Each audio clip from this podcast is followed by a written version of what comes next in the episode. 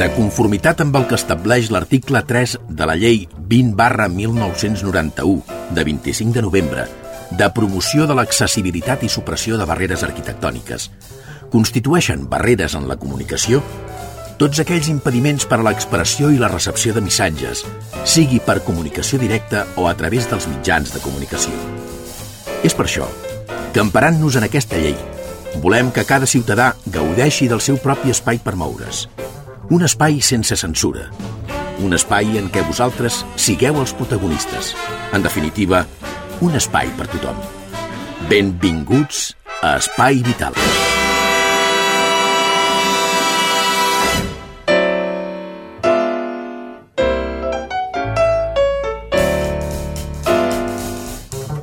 Senyores i senyors, benvinguts, ben trobats, una setmana més, un dia més, al nostre programa Espai Vital. El saluda Maria López, aquí a l'aparell, i tenim a la nostra dreta Alfredo Cano de Todos los Santos, Freddy pels amics i les amigues, i a la nostra esquerra avui tenim una convidada molt especial que em fa molta il·lusió que estigui aquí amb nosaltres, que és l'Ester Gasol, pedagoga i logopeda. Hola, bon dia, Esther, què tal? Molt bé, molt bé, gràcies per convidar-me. Gràcies, Freddy, a tu també. Gràcies a tu per vindre. I volem enviar una salutació especial amb el Xavi, que avui no estarà amb nosaltres, però et tenim present, Xavi.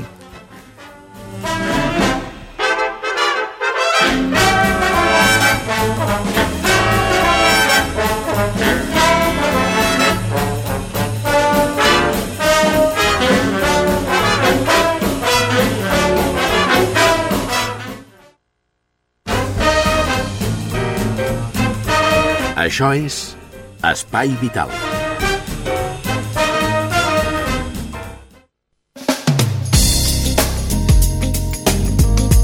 Doncs avui tenim a l'Ester, com hem dit abans. Uh, Esther és logopeda, a part de pedagoga, uh -huh. i tenim un tema molt interessant a parlar que vam estar nosaltres comentant prèviament, Sí? que és la dislàlia i la, dis Sí. i la disfònia. La disfonia. La disfonia, ho dic Sí. malament perquè són paraules per mi... Sí, el que passa és que bueno, són paraules que cada vegada s'escoltaran més, sobretot en l'àmbit escolar, és el que et vaig dir, un tema de logopèdia interessant a les escoles, pues la presència pues, de les dislàlies, que és un problema d'articulació, i, i la disfonia, que és un problema de veu. Vols que t'expliqui una miqueta? O... Sí, sí, explica'ns, perquè nosaltres som perfectes desconeguts Vale. en aquest tema. El que seria una dislàlia és, per exemple, el típic nen pues, que, que no sap fer bé una R, que no sap fer bé una S, que hace el ceceo, el típico ceceo o un rotacismo, que no sap fer la R. Llavors, quan és un símptoma d'alarma, doncs cada vegada es mira abans, perquè abans es deixava que el nen aprengués a parlar quan volgués ell, però la veritat és que ara cada vegada s'actua abans, perquè és que si no afecta l'aprenentatge de, la, de la lectoescriptura. Vull dir, un nen que no fa una R, que en lloc de carro et diu cado, evi- evidentment li costarà llegir i li costarà escriure, o no ho podrà fer. Perquè, Esther, vosaltres, els logopedes i Sí. les logopedes, quan considereu que hi ha un problema o qui us deriva amb un nen o una nena, a quina edat? O sigui, jo sóc mare Sí. i quan puc considerar, ostres, això ja no és normal? Val. Abans eh, se'ns derivava els nens molt grans. A partir dels 7 anys, quan un nen als 7 anys ja no parlava bé, al logopeda. I realment, quan abans millor. Vull dir, no hi ha una edat eh, base per dir has d'anar al logopeda, però en 4 anys perfectament poden anar, perquè poden treballar, has de fer un treball molt, molt més lúdic, no pot ser un treball tan dirigit, però ho fas més lúdic i el nen aprèn perquè són esponges. Quan més petits, millor. Jo sóc del pare que quan més petits, millor. I l'altra pregunta que m'has fet, que qui els deriva, uh -huh. doncs, o una mare preocupada, o bé pot ser la, la mestra de preescolar o la mestra de, de primària, Pediatres també ens els deriven, alguna professora de música, depèn, però normalment la mare i el mestre.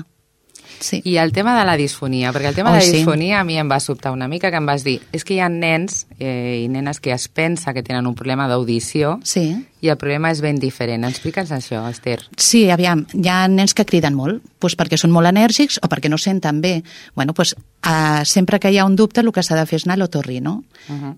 Eh, bueno, aquest és l'especialista al que has d'anar, però bueno, com saber si un nen té un problema de veu? pues un nen té un problema de veu quan està cridant en el pati i arriba a casa i no té absolutament res de veu, o quan va a les colònies i arriba i parla així. Llavors, això no és normal perquè nosaltres tenim la veu preparada per parlar normal, per projectar la veu i per cridar i per cantar.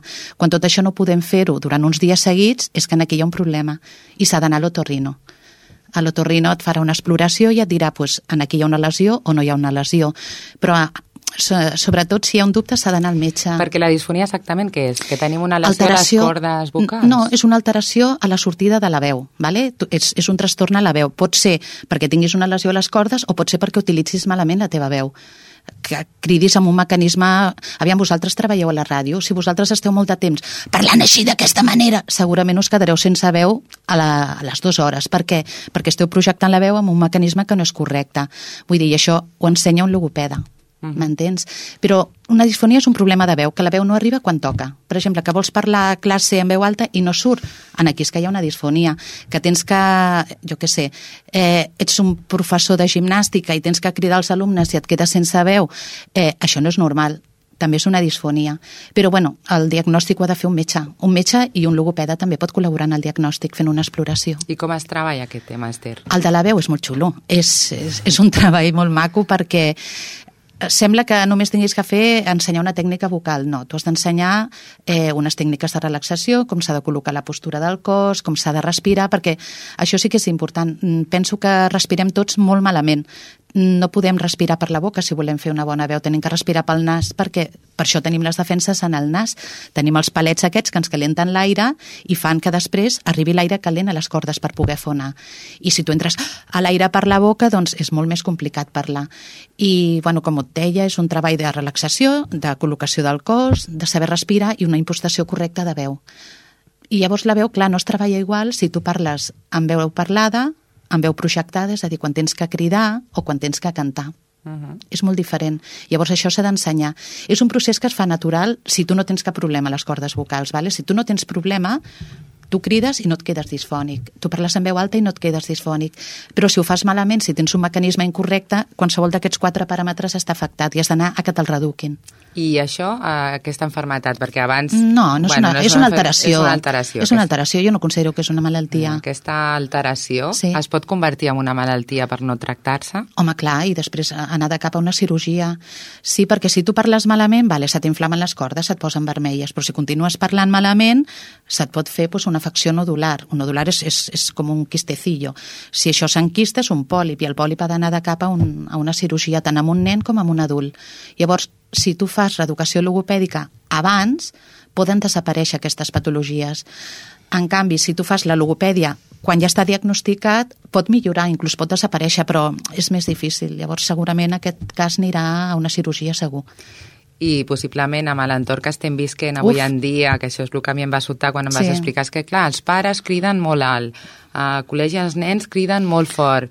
Els Eh, esports, les activitats esports. esportives, perquè el poliesportiu, que si fan hockey, són esports que, són, que requereixen molta força, criden moltíssim, i, i clar, mm, és un tipus de vida que requereix parlar molt fort, o realment els nens d'avui en dia són molt més enèrgics, abans nosaltres érem més tranquil·lets, i, i clar, són molt enèrgics i treuen la seva energia per la veu, i realment la veu és, és la nostra presentació, perquè tu dius, mira que niño más movido, perquè ja li veus aquesta veu i aquesta empenta, això es té que, que cuidar, es té que cuidar perquè si no pot fer una afectació i, i acabar amb una cirurgia, com et deia. Sí, que això pot ser si, si no modulem la nostra veu i no regulem i no estem Sí. a la guai, no?, que diríem. S'ha d'anar molt al tema. tanto i sobretot els mestres avui en dia s'estan fixant molt i com et deia jo ahir els professors de música s'estan fixant moltíssim de que els nens no parlen bé o per exemple no arriben a cantar, els estan ensenyant una cançó i aquest nen no pot cantar i desafina i hace gallos i llavors és perquè no té un mecanisme correcte o té una lesió. Pues anem corrents a, a l'otorrino o anem corrents a logopeda que ens diguin a veure si tenim que fer alguna cosa. Sí, Molt sí. bé. A mi el que m'ha quedat una miqueta sobtat de, Sí? abans d'haver parlat és que això pot ser un, programa, un, un problema d'integració social del, del nen. Sí, tant amb un nen com Ah. amb un adult. Tu imagina't que tu estàs en un gran grup, vale? tu, tu te'n vas de colònies i has fet un joc molt dinàmic i t'has quedat sense veu. I després tens un altre joc i tu no tens veu per poder participar. Tu et quedes arraconat. O ets una persona adulta, te'n vas por ahí de festa i el dia següent no tens veu. Tu no pots fer vida social el dia següent perquè el que has de fer és repòs vocal per tenir veu l'endemà, m'entens? Per poder anar a treballar el dilluns. Llavors, la veu és la nostra presentació, és el que ens ajuda a relacionar-nos. I si tu no la cuides, si no la tens, no et pots relacionar, tant si ets nen com si ets adult. Aviam, tampoc és que si no tienes voz te van a marginar, però mm, que et costarà més integrar-te en el grup. No per Sí. marginació, no tant marginació, sinó, m'entens, per fer activitats. En el cas d'un nen, doncs, eh, jo què sé, per jugar a hockey. Un nen que no té veu no, no pot cridar al company passa-me-la, passa-me-la, perquè no se'l sent o un adult si surt el dissabte a la nit i es queda sense veu el dia següent en la reunió familiar té que estar callat perquè no pot parlar, perquè no se l'escolta Però és, m'entens? és més difícil, uh, diguem, uh, un cop que ja has, tens la disfonia o, Sí, quan la o tens. tot això... Vale, la- la disfonia ja la tenim, vale, partim d'aquí. És més fàcil dir jo que, uh, que un nen uh, es recuperi uh, un cop que ja has tens la disfonia o, Sí, quan la tens. tot això Vale, la- la disfonia ja la tenim, vale, partim d'aquí. és més fàcil dir jo que, uh, que un nen uh, es recuperi Sí, tant. no que no un adult o sigui, perquè, perquè a lo millor costa més és, mm, Costa més, Esther, o és el mateix? A veure, jo, els que, clar, jo porto 19 anys treballant en això i la veu és un tema que m'apassiona perquè no us ho he dit, però jo estic operada de cordes vocals, amb la qual per això m'agrada tantíssim el tema veu. no, no es nota eh? Pues sí, estic operada. Té estic una veu molt maca. Pues estic operada, per això m'agrada tant i és un tema que soy muy susceptible a ell. És més fàcil amb un nen? És més fàcil potser la recuperació perquè són més esponges, però col·labora més un adult. I tu a un adult li dius a casa, vigila, eh, fes gargarismes, després us parlaré dels hàbits d'higiene vocal, vale? fes gargarismes, eh, respira per al nas. Això un adult és més conscient i pensarà més per fer-ho, vale? i un nen no, perquè un nen és més eh, pensa més en el joc. El que passa que també és cert que són més esponges, no sé, jo penso que per igual. Potser és més fàcil en un nen perquè té més marge de temps de recuperació, però és que l'adult tenim la, la vessant que ens ajuda més a l'adult perquè col·labora. I això que has introduït, el tema dels hàbits... Els hàbits d'higiene vocal, Però, sí. perdona un moment, Esther, eh, el tema dels hàbits hauria, o sigui, hauria d'estar també inclòs dintre de la prevenció. Jo crec que es pot fer un, Sí. una prevenció, no? És preventiu i és durant la disfonia i és postdisfonia, vull dir, ten, tenim que tenir uns hàbits d'higiene vocal correctes, eh, no només perquè tinguem una disfonia, sinó per no patir-la, o si l'hem tinguda per no tornar- no tornar-la a tenir. Llavors jo sempre, inclús si jo tinc nens a, a la consulta amb dislàlia, amb problemes d'articulació, jo també els dic, vigileu la veu. I venen a lo millor perquè no saben fer una R, però jo també els dic, vigileu la veu. Llavors, quins hàbits tenim que tenir en compte? Doncs, eh, el primer, no respirar per la boca. És el que us comentava abans. Tenim el nas amb els seus palets per calentar l'aire, perquè l'aire ens arribi calent a, a la laringe i poder treure la veu. Vale? Llavors, respiració nasal sempre. Que tenim el nas tapat i per això respirem per la boca? Banys de, com es diu allò, de suero fisiológico, uh. -huh. per la nit, per tenir les narines ben despejades. Que això seria igual a aigua amb sal? Sí, és el mateix. És el mateix. És el mateix. Després, per exemple, que, que és una persona o un nen que sempre diu oi, és que me duele la garganta, és que me, me cuesta tragar. Doncs jo recomanaria fer gargarismes de, de farigola. Sé que és un remei molt d'abuela, però és, és fantàstic. Amb mel o sense mel? Bueno, pots fer-ho com a infusió, eh, te la prens com a infusió la farigola amb mel, vale? o fer gargarismes només amb farigola. I això és superbo per la faringe, per la inflamació de les cordes vocals. Que mm, ja notes que la molèstia és més a baix, que oi, me duele aquí que tengo una quemazón en la garganta. Doncs jo recomanaria fer baus baus d'eucalipto, baus d'aigua calenta, te poses en allà amb la teva olla, te tapes amb la tovallola i pam. I això també despeja el nas i va molt bé. I, i bueno, i després pues, consideracions no cridar en ambients de fum, vigilar ambients de, on hi hagi guix, eh, jo què sé, lo de la respiració nasal que us comentava, o una cosa important, si fem un esforç vocal, per exemple, estem 4 hores treballant a la ràdio, el dia següent reposa una miqueta la veu. O, per exemple, si te'n vas de colònies... O sigui que, és que les, xarre, les que xerrem com jo ho tenim difícil. Per això, i el millor és la- el repòs vocal. Vull dir, si tu forces molt la veu, el millor de tot és fer repòs vocal, Mhm. vale? a l'estar callat, que és el que més costa. I, no sé, hi ha més consells d'allò per estar per casa, jo què sé. Però sobretot, vigilar. I això es pot fer, és el que us comentava abans, i és molt important. Tant si tens la disfonia com si l'estàs tenint com després. És que són consideracions que tenim que tenir en compte I tots. donar-li la importància que té, perquè jo crec que Home. fa uns anys no se li donava la importància. Es quedava la persona amb aquesta veu. Però és que tu imagina't com et presentes tu davant de la persona, per la teva veu i per com et comuniques amb la teva veu i amb el teu cos. És la teva presentació. Si no la tens bé, la persona que tens al davant té una idea equivocada de tu. Pensa, oi, que persona més callada. Però potser estàs callada perquè no et surt la veu, perquè has tingut un esforç abans. Uh -huh. Llavors jo penso que és molt important. Aviam, la dislàlia que us comentava al principi també és important, perquè aviam, un nen que fa malament la R li pot causar un problema no només de lectura, sinó a nivell relacional amb els seus amics. Sí, però això sempre ha estat més detectat i més tractat. Sí, se li ha potser. donat més importància, sí. però el de la veu jo penso que és importantíssim. I evitar una cirurgia amb un nen o amb un adult, doncs encara és més important, penso jo. Molt bé, doncs. Ah, no solament has tingut tens pacient amb dislàlia, disfonia, sinó sí. hem, hem parlat que tens pacients amb malalties neurològiques Sí. que han patit un ictus, Sí, un ictus o una malaltia neurològica com el Parkinson i l'Alzheimer. En què Sí. consisteix aquest, a, a, aquest problema? Vale, el problema i com el logopeda pot influir en aquí a treballar, Sí. vols dir? Vale, doncs, eh, a nivell neurològic, quin tipus de malalties cada vegada ens venen més a una consulta privada? Eh, a l'ictus, una, un infart cerebral, cada vegada està atacant més a persones més joves. Vull dir, abans li passava a una persona gran, vale, a, a, mi abuela ha tenido un ictus i se recupera en casa i està a casa i tal, però és que cada vegada està afectant a gent més jove. I, Perdó, què direm? L'ictus és un infart cerebral que Sí. afecta mobilitat, parla...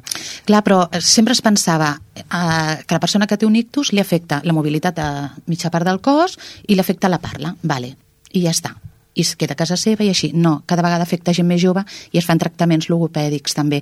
No només la fisioteràpia, sinó també el que és la logopèdia. I en què consisteix el nostre treball? Quan una persona et ve amb un ictus, et pot venir o que ha perdut completament tota la parla, perquè pot venir sense parlar absolutament res, o pot venir eh, amb una dificultat de denominació. Què vol dir això? Pues, que té totes les idees al cap, però et vol dir una paraula i no li surt. Vale? Que això és una fase denominativa, la més senzilleta, però normalment està afectat quan hi ha un ictus tant la comprensió com l'expressió del llenguatge.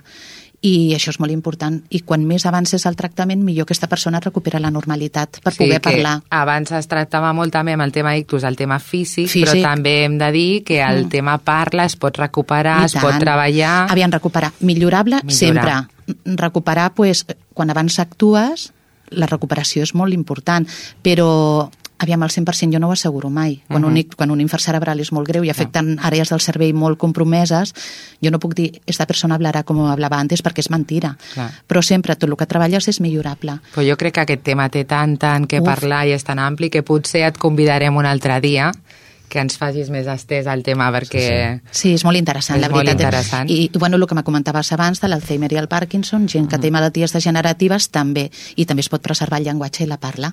Molt bé, Esther. Llavors, on et podem trobar? Per exemple, tenim, nosaltres volem acudir amb un logopeda, en aquest cas a, a l'Esther, que ens està donant aquí... Ah, on tinc jo la meva consulta. Anem a fer publicitat a la meva consulta. Sí, al teu telèfon i poden trobar-te. A veure, jo estic a Cerdanyola, jo em dic Esther Gasol Blasco, com la Maria ha dit, eh, soc pedagoga i logopeda.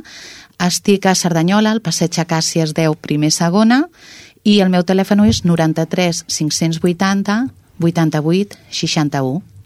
Tens algun bé. email de contacte? O... Mm, No, normalment és, eh, és via telefònica perquè són hores convingudes.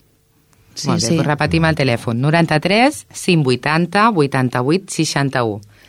Esther Gasol i mm, et convidem un altre dia a parlar vulgueu. més en profunditat del Quan tema, vulgueu. perquè a més això està molt També. vinculat al llibre que també tenim per capítols a més d'una noia, un cas real que té un ictus. Molt interessant. Sí, Un tema molt interessant i molt proper. la veritat és que sí, bastant proper. molt bé, Esther, doncs moltíssimes gràcies, Gràcies per a estar avui amb nosaltres. Gràcies a vosaltres per convidar-me.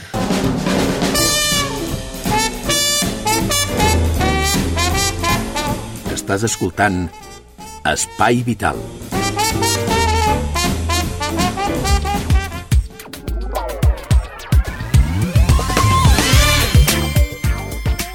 I ara us deixem amb el capítol 5 de Alta Sensibilidad. A continuación, les ofrecemos Alta Sensibilidad, un libro sobre el ictus. Alta Sensibilidad, un libro de Isabel Palomeque, escrito en primera persona y llevado a la radio de la voz de María López. Una producción de Spy Vital.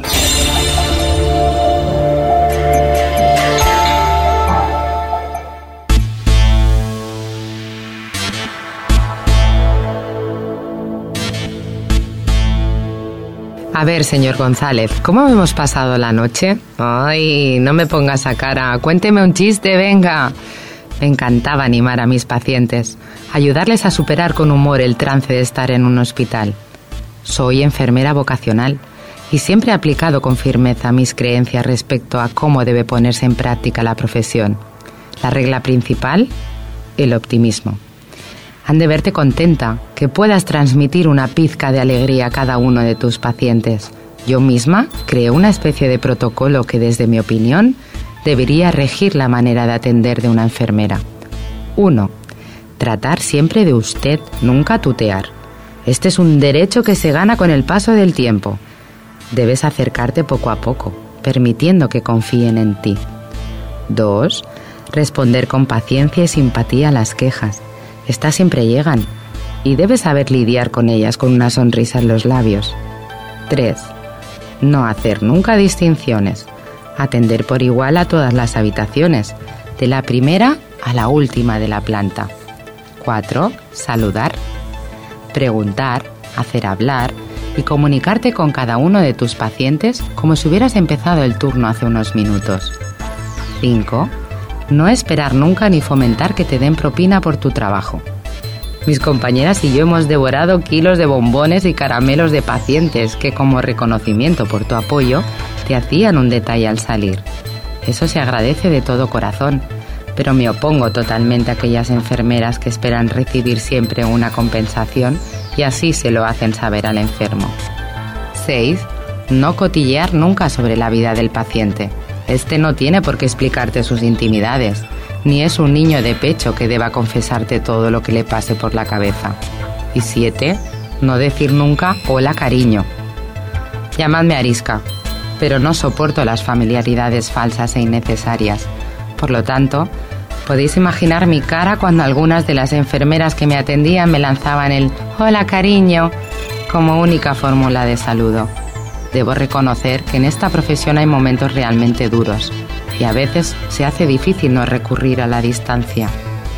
Todavía recuerdo el primer paciente que perdí. Fue durante una guardia de sábado, obviamente, porque todavía era estudiante y me caían todos los fines de semana. El pobre hombre sufrió un ataque cardíaco cuando intentaba salir de la habitación, así que su cuerpo cayó contra la puerta bloqueándola. Intenté abrirla con todas mis fuerzas, era un hombre corpulento y pesaba demasiado me sentí tan impotente al no poder sencillamente abrir la puerta, ayudarle y reanimarle. De todas las ramas de la medicina, enseguida supe que la cardiología era la que más me atraía. De hecho, le veo un lado casi poético. Cuando uno mira un electrocardiograma, contempla la plasmación gráfica de la vida, aquella línea rítmica con sus pautas, sus reglas y sus límites, constituye para mí la prueba fehaciente de la existencia. Quizás resulte demasiado elocuente, pero tengo colgado en el comedor un cuadro que encargué con la reinterpretación de un electro de mi padre. Este cuadro de fondo negro, atravesado por el latido blanco, es el último recuerdo de mi época como profesional sanitaria, el último testigo de una carrera frustrada justo al comenzar. Curiosamente, cuando me encontraba inmersa en el coma, mis padres supieron que mi curso de enfermería intensiva en el Hospital de San Pablo se daba por aprobado. Una especie de regalo, quizás de mi supervisor ante un futuro que parecía más próximo a la muerte que a la vida. Sin embargo, al despertarme todavía me perturbaba la sensación de que tenía que ir al examen final para no perder mi posgrado. Tan convencida estaba de la transitoriedad de aquel estado que de un modo u otro esperaba poder levantarme de la cama y asistir a las pruebas final de curso. Aquellos estudios habían supuesto un punto de inflexión en mi vida al descubrirme un sentido concreto en mi vocación. El trabajo en la UBI y el contacto con los médicos me habían otorgado unos conocimientos y unas primeras experiencias que habían servido para motivarme aún más. Tenía unas ganas terribles de aprender mucho más de llegar a ser una auténtica especialista dentro de uno de los terrenos más complicados de la enfermería. Así que mis ganas de vivir, de aprender y de experimentar bullían en mi cabeza, en mi cuerpo y sobre todo dentro de mi voluntad. Pero la respuesta no podía ser más desalentadora. Había tardado cerca de un mes en poder levantar mi pierna derecha a unos 30 grados empezaba a practicar las vocales y mis periodos de vigilia iban acompañados de un agotamiento absoluto. Me asfixiaba sentirme atrapada dentro de mi cuerpo y dentro de aquella habitación con una ventana fija que no se abría nunca y que solo me provocaba ganas de gritar, aire, aire, por favor. Escucho a las enfermeras que hablan de mí. Esta chica me resulta familiar. Me gustaría responder que sí, que por supuesto, soy su compañera del Centro San Jordi, que he venido más de una vez y he trabajado a su lado desde hace meses. Pero no tengo fuerzas y se me escapan las lágrimas. Ni me miran. Y me arrojan su hola cariño estándar mientras me manipulan como la muñeca de trapo en la que me he convertido. Y hasta aquí, Alta Sensibilidad, un libro sobre el ictus. Alta Sensibilidad, un libro de Isabel Palomeque, escrito en primera persona y llevado a la radio de la voz de María López. Una producción de Spy Vital. Alta Sensibilidad, un libro de plataforma editorial.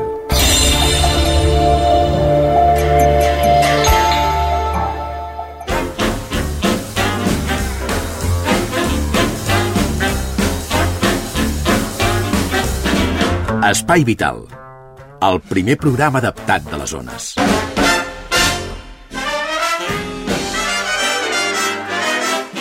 I ara anem a fer el nostre rodeta informativa amb la bici a les poblacions que coprodueixen el nostre programa.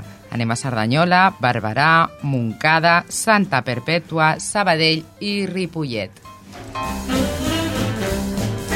Cerdanyola, amb el Xavi Poza. Hola Xavi, la Generalitat ha confirmat a l'Ajuntament de Cerdanyola la reorganització del servei d'urgències dels centres d'atenció primària dels CAP de Cerdanyola i Ripollet. Així, els CAP de la Farigola, Canaletes i Serra ja no oferiran el servei d'urgències els dissabtes. Els usuaris de Cerdanyola i de Ripollet veuen concentrades les urgències del cap de setmana al CUAP Cerdanyola-Ripollet, situat a la carretera de Barcelona. L'atenció de dissabtes es farà al CUAP Cerdanyola-Ripollet en un únic punt que cobrirà l'assistència dels dos municipis, reforçant el servei servei amb una roda de professionals de Canaleta, Serra Parera, La Farigola, Ripollet 1 i Ripollet 2. El servei disposarà d'un metge amb opció de reforç en època de grip, un metge per a atenció domiciliària, un pediatre amb opció de reforç segons pressió assistencial i un infermer. La cartera de serveis que segons la Generalitat queda garantida al COP Cerdanyola-Ripollet comprèn l'atenció a problemes de salut urgent d'adults i infants, el servei de pediatria els dissabtes de 10 del matí a 2 de la tarda, l'atenció i cures d'infermeria, les proves diagnòstiques de radiologia cirurgia, electrocardiograma i analítica, la sala d'observació i estància de curta durada i el box de reanimació cardiopulmonar. El principal argument per justificar la reorganització és el baix índex d'utilització del servei d'urgències en la majoria de CAPs afectats, el que aconsellaria a la concentració del servei en un sol punt. L'alcaldessa de Cerdanyola, Carme Carmona, farà arribar al conseller de Salut de la Generalitat, Boi Ruiz, l'oposició frontal del govern municipal de Cerdanyola a qualsevol retallada o ajust centrada en temes de salut o educació La qüestió serà tractada al proper Consell d'Alcaldes de la comarca. Carme Carmona denuncia que ja fa molts mesos que la Conselleria de Salut treballa d'esquenes al territori i no es reuneix amb els governs locals. Des de Ripollet ens porta la crònica Francina Ricard. Una salutació molt especial als amics i amigues de l'Espai Vital. Com és habitual, la regidoria de Polítiques d'Igualtat de l'Ajuntament de Ripollet, amb la col·laboració de les entitats que participen a la taula de dones, ha elaborat un programa d'activitats per commemorar el Dia Internacional de l'Eliminació contra la Violència vers les Dones, que se celebra tots els dies 25 de novembre. Els actes van començar el dia 11 i s'allargaran fins al proper dia 29 de novembre. La taula de dones, formada per diverses entitats locals i la regidoria de Polítiques d'Igualtat, fa 7 anys que hi treballa de manera ininterrompuda en aquest programa. La seva tasca principal és la programació d'actes, no només pel dia 25, sinó també pel dia 8 de març o el cicle Dones i Salut. El programa inclou diferents actes. Per exemple, el divendres passat es va realitzar una xerrada titulada Coaching per la naturalesa de la dona, que es basava en com aprofitar millor els 28 dies del cicle menstrual per treure'n el màxim profit a les activitats que realitzem cada dia. A més a més, també es farà una xerrada el proper dia 16 de novembre a les 6 de la tarda a la sala d'actes del Centre Cultural, titulada Paraules que maten. Es parlarà sobre com els missatges negatius que reben les dones s'acaben convertint en el que creuen que de debò sobre la seva persona. S'explicarà com les paraules són una altra manera de fer molt mal sense deixar marques físiques. També es faran debats sobre el mite i realitat d'algunes coses que es parlen a vegades sobre les dones, un concert amb el grup Zancada i finalment un cinefòrum de la pel·lícula Mujeres del Cairo. I això és tot des de Ripollet. Molt bona tarda. Barberà de la mà de Judit González. Salutacions des de Ràdio Barberà. Prop d'una trentena de membres de l'entitat Fibro Barberà van visitar el passat 30 d'octubre la ciutat de Cardona. Durant tot un matí, a més de compartir anècdotes i experiències, van poder conèixer de primera mà les mines de sal, la Fira de la Llanega, una mostra de les diferents varietats de bolets, amb exposició i degustació de productes a la població i el casc antic de la ciutat. Fibro Barberà, associació que es dedica a donar a conèixer tot allò que fa referència a la fibromialgia i síndrome de fatiga crònica, organitza diferents activitats durant tot l'any. La propera que l'entitat realitzarà de cara a l'any 2012 és una sortida al monestir budista del Garraf. Per més informació sobre Fibro Barberà i les seves activitats, es poden apropar a les oficines de serveis personals al carrer Marquesos de Barberà 125 a través del telèfon 608 32 75 85 o al correu electrònic fibrobarberà arroba gmail.com. Fins la setmana vinent. La Sílvia Díaz des de Montcada Hola, salutacions des de Montcada, l'Espai Vital. El CatSalut assegura que durant el setembre passat hi ha hagut un descens de visites als centres d'atenció primària de Montcada i Reixac en horari diurn i al centre d'urgències d'atenció primària de referència, al de Ripollet, en horari nocturn. Representants de l'Ajuntament es van reunir el 8 de novembre amb membres del Departament de Salut per valorar com Montcada està vivint els canvis en el model sanitari impulsats per la Generalitat des de l'estiu passat. Atenent-se a les dades, els representants del govern català consideren que el nou model de gestió de les urgències nocturnes dona una bona cobertura cobertura a la població i que, segons l'informe presentat, hi ha hagut una davallada de visites similar a la de la resta d'equips del territori. Segons el CatSalut, hi ha una disminució de les visites en el tram de 8 del vespre a 12 de la nit, principalment en la darrera hora d'atenció. Els representants sanitaris també han explicat a l'equip de govern que s'ha produït una disminució de l'assistència en el tram horari des de la mitjanit fins a les 8 del matí a l'ambulatori de Ripollet, un total de 107 al mes, el que suposa una mitjana de 3 consultes diàries. Les explicacions, però, no convencen el consistori que continua demanant el retorn de l'atenció continuada durant les 24 hores i les urgències nocturnes a l'ambulatori del centre de Montcada. És una petició compartida per l'espectre veïnal. De fet, la Federació d'Associacions de Veïns del municipi continua organitzant manifestacions al respecte tots els dijous a la tarda. Això és tot. Fins la setmana vinent. Estrella Núñez ens porta la crònica de Santa Perpètua. Hola, amics i amigues de l'Espai Vital. La regidoria d'Esports de l'Ajuntament de Santa Perpètua novament s'ha adherit al cicle de passejades adreçat als majors de 60 anys a 100 cap al 100 que organitza la Diputació de Barcelona. Es tracta d'un cicle de passejades que pretén recuperar el costum de caminar per l'entorn rural dels municipis i al mateix temps fomentar les relacions interpersonals. Santa Perpètua es va adherir a aquest cicle el 2008. Aquesta temporada, Santa Perpètua formarà grup amb Sant Fruitós de Bages, Vilafranca del Penedès i Esparreguera. El cicle consta de quatre passejades diferents i la primera serà el 16 de novembre a Sant Fruitós de Bages. La segona serà a Vilafranca del Penedès al gener. Santa Perpètua l'organitzarà el 22 de febrer, mentre que Esparreguera tancarà el cicle el mes de març. Després restarà la passejada conjunta de tots els grups que encara no se sap on es farà. La mitjana de participació perpetuenca la temporada passada va superar la trentena de persones i la regidoria d'Esports espera continuar en aquesta línia d'assistents. Les inscripcions s'han de fer a la recepció del poliesportiu municipal per a cadascuna de les passejades. Salutacions des de Santa Perpètua i fins la setmana vinent. I per últim anem a Sabadell amb el Xavi Miralles. Salutacions des de Sabadell. L'associació ETOS, que es dedica a la prevenció i rehabilitació integral de les dependències, ha estat reconeguda finalment com a centre de dia. L'entitat assegura que han estat dos anys de negociacions, adaptacions i reformes per convertir el centre d'activitats en centre de dia inscrit al Departament de Benestar Social i Família de la Generalitat. Per la seva responsable, Dolors Martínez, és una gran llavor pel futur. També apunta que és un reconeixement perquè, de fet, el seu dia a dia no variarà en un futur immediat. Actualment, cada mes poden arribar a passar una vuitantena d'usuaris pels diferents programes que organitza ETOS. Sense anar més lluny, aquesta setmana una comissió francesa s'ha interessat per un projecte pioner de l'entitat. A través de l'esport, treballen amb adolescents que han patit el fracàs escolar. Estàs escoltant Espai Vital.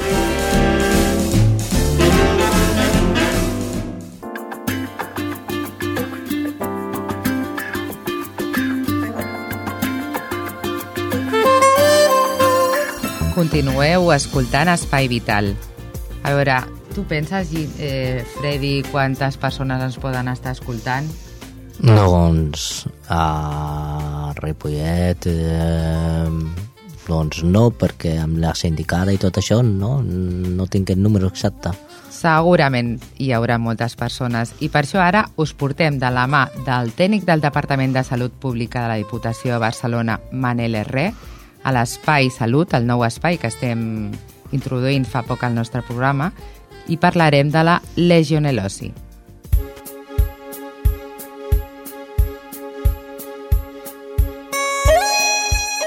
Salut.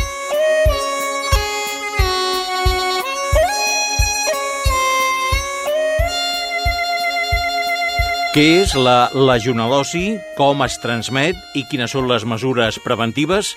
Preguntes a les que intentarem donar resposta avui en aquest espai de salut. Amb la col·laboració del Servei de Salut Pública de la Diputació de Barcelona. Saludem Manel Herrer, tècnic del Servei de Salut Pública de la Diputació de Barcelona. Benvingut, Manel. Eh, benvingut i a veure en què us puc ajudar. Doncs la primera pregunta sembla clara per situar el, el problema. Què és la legionel·losi? Molt bé, doncs eh, és una malaltia que ara està de moda no? per les repercussions mediàtiques que ha tingut. És una malaltia que es transmet via aèria eh, per petites eh, gotes i doncs que dona lloc a una malaltia pulmonar que en alguns casos pot eh, ser greu. Cal dir que no és una malaltia que es transmet de persona a persona, ni per beure aigua, ni per ingerir aliments. És només per aquestes petites gotes d'aigua que emeten algunes instal·lacions, com són les torres de refrigeració, eh, els condensadors evaporatius, alguns circuits d'aigua calenta sanitària i, i alguns tipus d'instal·lacions més. O sigui, és una bactèria, realment, sí, no? Sí, sí, és, un, és una bactèria doncs, que, que en determinades circumstàncies i segons en quines persones pot donar malalties de caràcter lleu i d'altres que poden ser greu, inclús la, la mort, no? Una bactèria que podem agafar en qualsevol lloc, no sé, fins i tot a hospitals, a centres Sí. mm, i residències de gent gran, per exemple, Sí. Manel?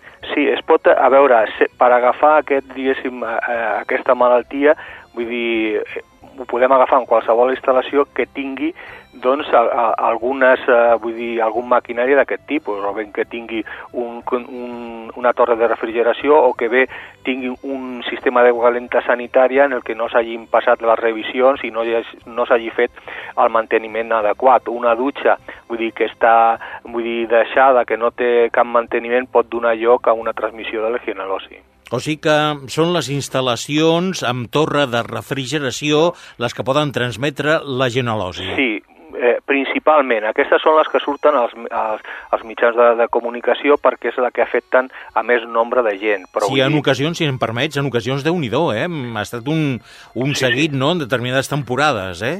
De, de vegades, o sigui, eh, vull dir, eh, com això, vull dir, eh, són aqu aquestes torres no estan ben, vull dir, no, no tenen el manteniment adequat i les persones que passen per allà van agafant la, la legionel·losi i, i és al cap d'uns dies és quan es veu a l'abast de tot el problema. Per això, doncs, aquestes tenen més ressò que en instal·lacions més petites. I quines són les mesures que prenen les administracions públiques per prevenir-la? Doncs eh, les administracions públiques mm, són titulars d'algunes d'aquestes instal·lacions, Sí, per sí, exemple, sí. en piscines, poliesportius i tot això, i realment, vull dir, les administracions públiques normalment fan els seus deures, vull dir, i fan el seu manteniment.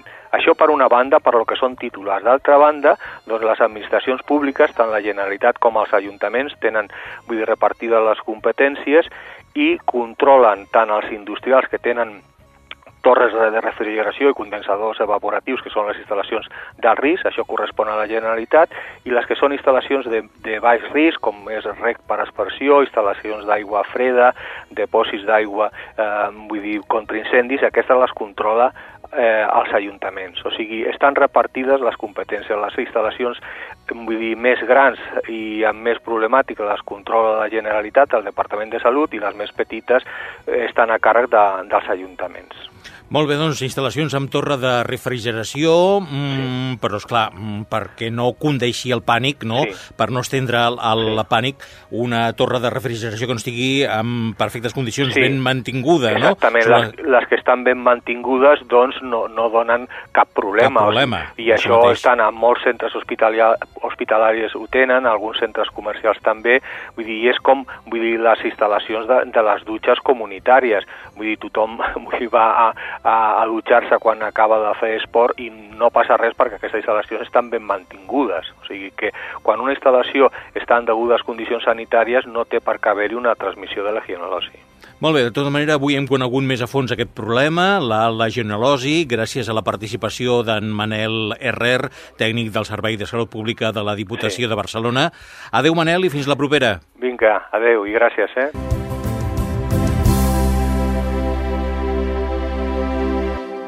Cada 5 segons algú es queda sec al món.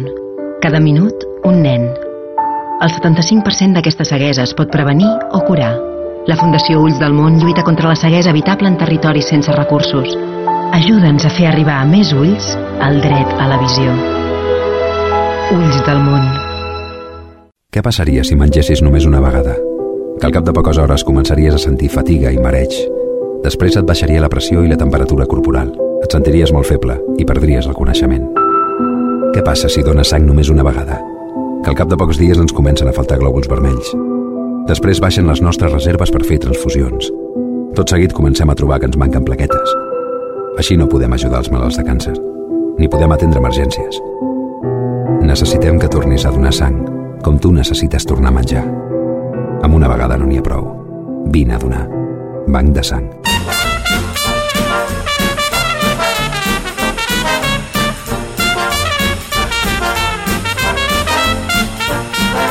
Espai Vital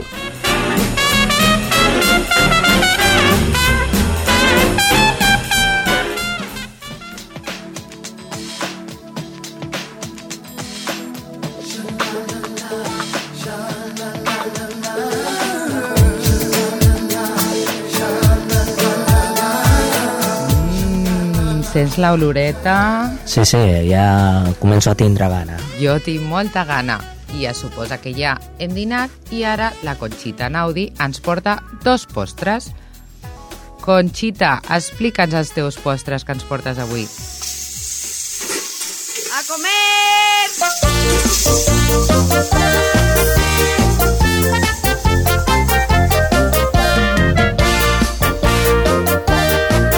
Avui et porto dos postres. Curtets, però molt bons. Mireu, mira, et porto una crema de meló i un semigelat de vainilla.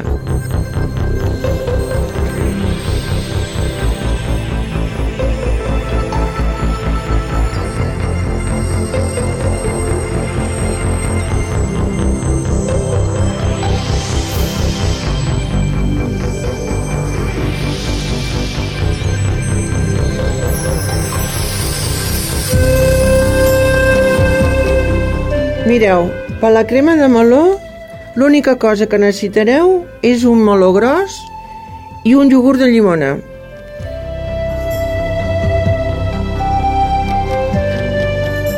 La preparació és molt senzilla. Tritureu la polpa de meló i afegiu el iogurt de, llim... el iogurt, el iogurt de llimona.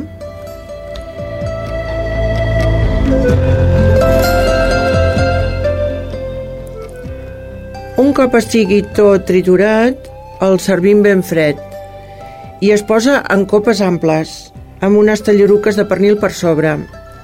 Aquest plat, eh, més que postre, també el podeu presentar com un primer plat, amb les tallaruques de, de pernil. Però si voleu per postre, com que es posa a la nevera que estigui molt fred i, i el meló, si és dolç, és boníssim, també hi podeu posar-hi unes fruites del bosc o una així per sobre. Eh, us queda un postre boníssim, eh? I ara anirem pel segon.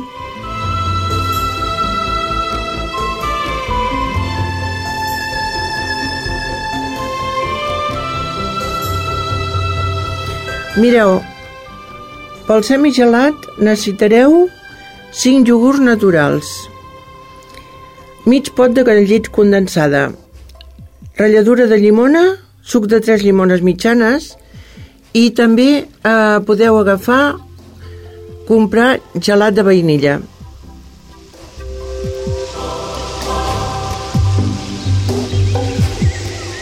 Barregem els iogurts, la llet condensada, la ratlladura de llimona i el suc de tres llimones mitjanes i eh, això ho feu a consciència, eh? I ho posem a la nevera. Si ho preparem el dia abans, que tinguem previst eh, menjar-ho, eh, sempre quedarà més bo. Això es pot servir amb copes, però a part hi poseu el gelat de vainilla al costat. Ja veureu que els dos gustos queden molt bons. I bé, és un, un postre molt casolà, però que espero que us agradi. Eh, bé, fins a la setmana que ve.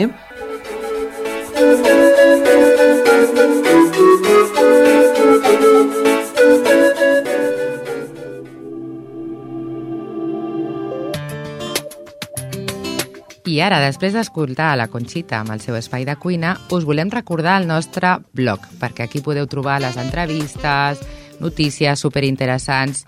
El nostre blog el podeu clicar bé al Google i posar Ràdio Espai Vital Ripollet, sense el ràdio, Espai Vital Ripollet, i és el primer que us sortirà, o http dos punts barra barra ràdio guió mig espai guió mig vital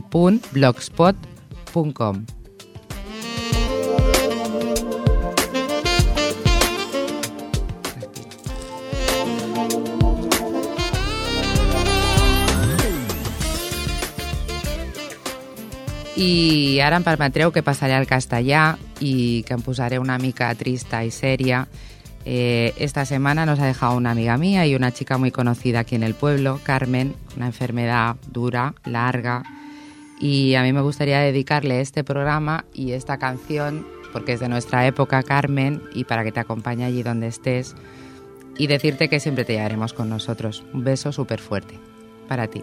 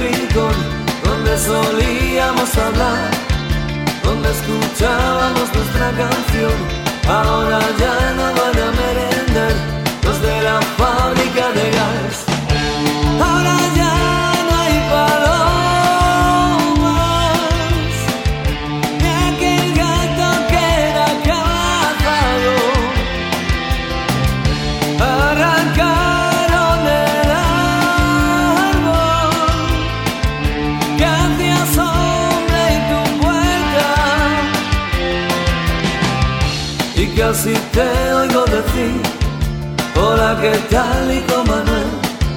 Casi te puedo imaginar al ver tu firma en un papel. Aún te recuerdo muchas veces pienso en ti.